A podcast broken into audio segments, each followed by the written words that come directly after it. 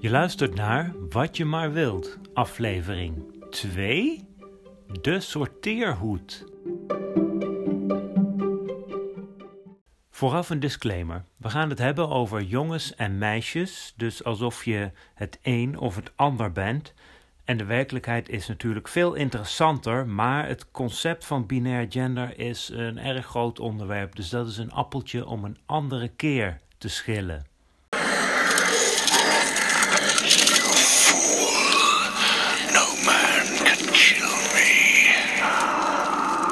Zei een andere keer.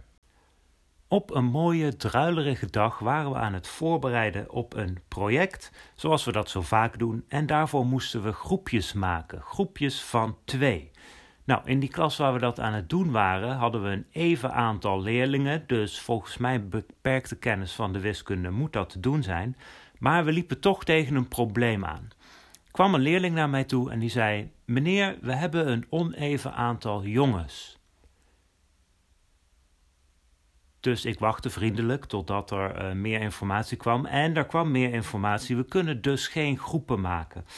Ehm, nou, dacht ik, we hebben een even aantal leerlingen. Dus volgens mij kan dat wel als er bijvoorbeeld eh, één jongen, die ene die dan blijkbaar over is, samengaat met één meisje die ook ergens over moet zijn.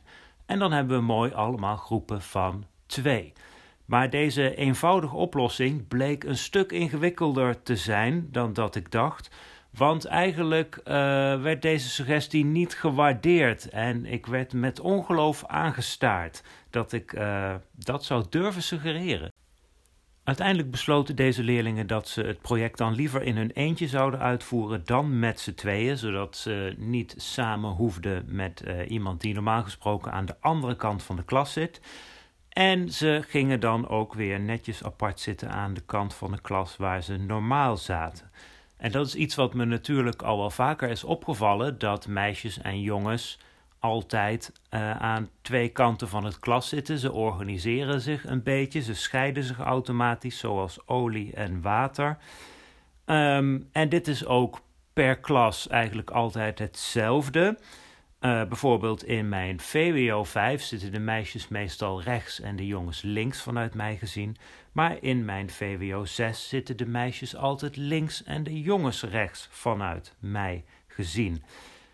Um, maar dat is eigenlijk wel een beetje raar, want ik heb ook op andere scholen gewerkt en daar is dat helemaal niet zo. Vanaf de derde klas zit eigenlijk iedereen daar door elkaar. Daar organiseren ze zich meer naar karakter, naar interesses.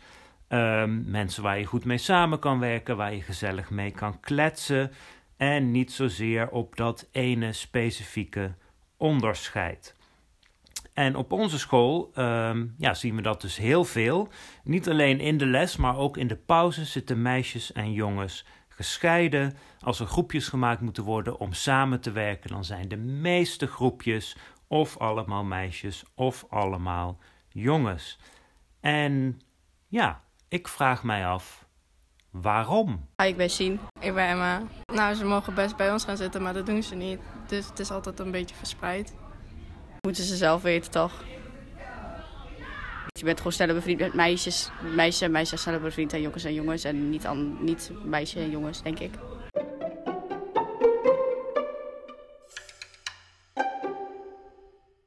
Als je iets afvraagt, het eerste wat je dan doet is, dan duik je de vakliteratuur in. Ik heb een, uh, een boekenplank op mijn werkkamer en een dikke 21 centimeter daarvan wordt in beslag genomen door algemene onderwijsboeken. Dus daar heb ik eens doorheen gebladerd. Dat duurde even, want het is bij elkaar 3,3 maal 10 tot de derde pagina's. En ik vond daar helemaal niets, geen één woord over of je jongens en meisjes nou eigenlijk beter wel of niet door elkaar kunt zetten en of het erg is als ze zichzelf uit zichzelf scheiden. En dat verbaast me dat er niks over in de literatuur staat, omdat ik nogal wat collega's heb die met heel veel zelfvertrouwen praten over um, wat voor soort gedrag jongens normaal gesproken hebben, wat voor soort gedrag meisjes normaal gesproken hebben, hoe meisjes leren, hoe jongens leren, maar uh, blijkbaar is daar nul wetenschappelijke onderbouwing voor, in elk geval die ik zo snel kan vinden. Uh, en dat is niet alleen zo op onze school. Ik heb uh, toen ik zelf de docentenopleiding aan het doen was, nog een keer bijna ruzie gehad met mijn vakdidacticus, omdat hij maar bleef volhouden dat optica een goed onderwerp is voor meisjes, want dan kunnen ze lekker tekenen. Um, ja, oké. Okay. You always this stupid? Did you take lessons? I took lessons. Uh, en dan nog, stel uh, in de literatuur konden we daar wel informatie over vinden. De literatuur moet je altijd een beetje met een korrel zout nemen. Je moet wel blijven nadenken bij wat er in de literatuur staat. Bijvoorbeeld hier in dit boek van Peter Teitler, die volgens mij toch een behoorlijk grote naam is in onderwijsland. Laten we even een van Peter Teitlers tips erbij pakken. Daar is die. Tip 1. Wees niet jezelf. Oké, okay, dank je voor deze coole tip, Peter. Not a great plan. When they come, and they will, they'll come for you. Als de wetenschappelijke literatuur je in de steek laat, dan zit er maar één ding op en dat is gewoon zelf op onderzoek uitgaan. Dus ik ben begonnen met een paar vragen stellen. Eerst even op Instagram, want dat is lekker makkelijk. En uh, ik stelde de volgende vraag. Wat vind je ervan dat jongens en meisjes bijna altijd gescheiden zitten? En daarop antwoorden 41 leerlingen dat ze dat normaal vinden en 22 leerlingen dat ze dat vreemd vinden. Dus 66% vindt dat normaal en 34% vindt dat vreemd. Nou, toen vroeg ik dus ook, uh, is het dan ook zo in jouw vriendengroep? Uh, zijn daar de jongens en meisjes ook altijd gescheiden? En daar zeiden slechts 13 leerlingen ja, dat is 20%. En 80% van de leerlingen, 52, die zeiden nee, bij de vriendengroep zijn we niet gescheiden. Nou, dat vind ik al meteen heel interessant natuurlijk, dat je op school eigenlijk iets anders doet dan gewoon uh, in je eigen tijd.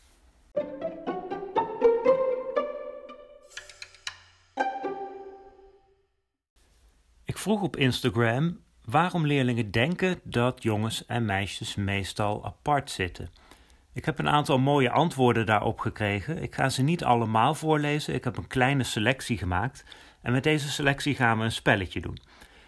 Ik lees de antwoorden voor en jij moet proberen in je hoofd te bedenken terwijl ik het voorlees of dit geschreven is door een meisje of een jongen. Daar gaan we. Het ligt eraan wie je vrienden zijn. Als je vrienden jongens zijn, dan ga je daarnaast zitten. Toch wel verschillende interesses. Ik ga met beide om, maar er is weinig overlap in waar het over gaat. Daarnaast is er ook de sociale norm. Als je altijd naast meisjes zit, hoor je al snel vooroordelen. Er zitten geen leuke of aardige jongens in de klas. In twee of drietallen doen ze ook niet zoveel.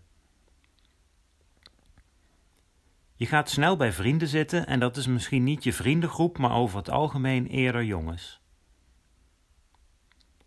Ik praat makkelijker met jongens, maar in mijn vriendengroep is het ook gezellig met meisjes.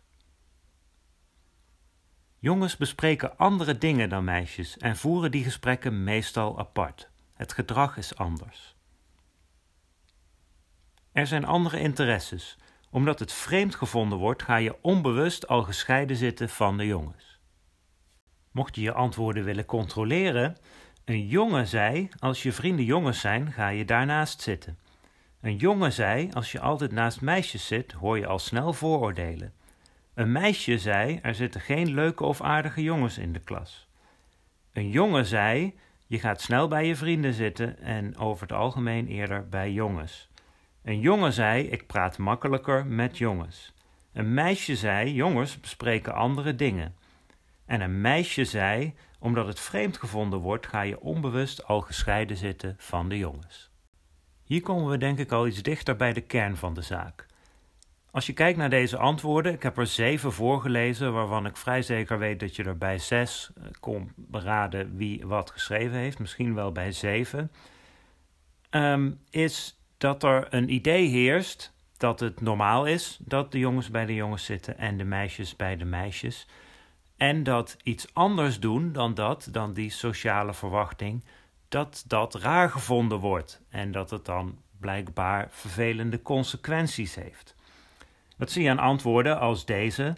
Ehm, er is een sociale norm. Als je altijd naast meisjes zit, hoor je al snel vooroordelen over het andere antwoord. Omdat het vreemd gevonden wordt, ga je onbewust al gescheiden zitten van de jongens. Dus het wordt vreemd gevonden als een meisje naast een jongen gaat zitten.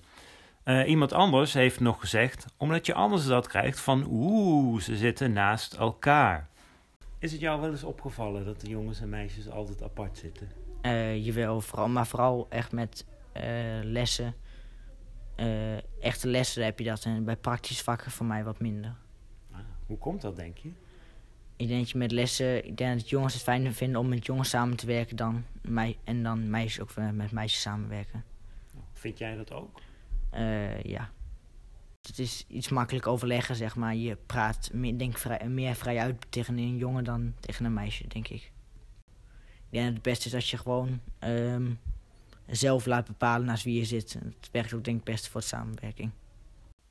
Deze situatie doet me een beetje denken aan de situatie op Zwijnstein.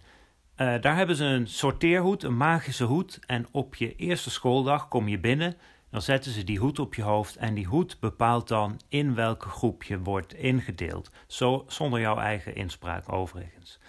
En dan vanaf dat moment tot het einde van je schooltijd zit jij altijd met mensen van die groep in de les en in de pauze. En er wordt ook van jou verwacht dat jij dezelfde eigenschappen hebt als de mensen van die groep. Die eigenschappen waarop jij dan bent ingedeeld. Hmm difficult, very difficult. Plenty of courage, I see. Not a bad mind either. There's talent, oh yes, and a thirst to prove yourself. Where to put you?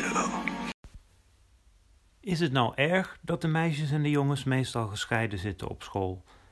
Ik weet het niet, ik wil daar geen conclusie aan verbinden van het is goed of slecht ik word er altijd wel een klein beetje kriegelig van als mensen zichzelf op basis van een of andere eigenschap indelen in twee groepen en dan altijd apart gaan zitten en niet met elkaar willen samenwerken en aannames doen over wie de mensen in de andere groep zijn en wie de mensen in deze groep zijn. Daar word ik altijd een beetje nerveus van. Ik zou het ook heel raar vinden als ik de personeelskamer binnenkwam en zag dat alle jongetjes en meisjes daar gescheiden zaten. Dat is volgens mij absoluut niet het geval. En als je een argument wil hebben voor waarom jongetjes en meisjes niet gescheiden zouden moeten zitten, is wel straks in de grote wereld moet je ook gewoon door elkaar zitten. En je bent hier om te leren hoe je in de grote wereld moet leven. Dus um, dan kun je je er alvast op voorbereiden. Carmen, Hi. Wat vind jij ervan dat jongens en meisjes meestal apart zitten op school? Heel saai. Ja, dat vind ik heel stom eigenlijk. Ik snap ook niet waarom. Zou je het dan leuk vinden als ze meer door elkaar zouden zitten? Ja. Dan wordt het wat gezelliger. Ik bedoel, eh, dan heb je niet zulke... ja, echt van dat meidengedoe soms. Niet dat er echt veel gedoe is of zo, maar... Uh, ja, ik heb een paar goede vrienden in de klas zitten. Maar het is dan echt een taboe als je naast hun gaat zitten. Want dan, dan? dan wordt er meteen gezegd, oh je hebt met elkaar. En dat is heel erg kinderachtig. Maar buitenschool gaan jullie wel met elkaar om? Ja. En zeggen ze dat dan ook? Ja. Maar dan is het blijkbaar geen probleem als ze dat zeggen. Ja, maar dat is anders. Ja, dat is gewoon anders. Wat is er dan anders aan? Dat weet ik niet. dat vind ik echt heel gek. Ja, er moet verandering in komen. Hoe moet dat gaan gebeuren? Um, dat weet ik niet. Maar het is wel heel kinderachtig als je uh, jongens en meisjes naast elkaar gaat plaatsen. Om dan, de, die docent wordt dan echt meteen gehaat. Maar ook weer niet. Alleen, ja, ik weet het niet. Het moet gewoon vanzelf komen. Niet share, denk ik. Oké, dus als ik het zou forceren, wordt het niet gewaardeerd? Dat weet ik niet. Het ligt denk ik per klas heel verschillend. Maar door jou, wordt het door jou gewaardeerd? Ja. Deze aflevering bevat bijdragen van onder andere Emma, Sien en Carmen. Wat je maar wilt is een productie van Martijn de Wild.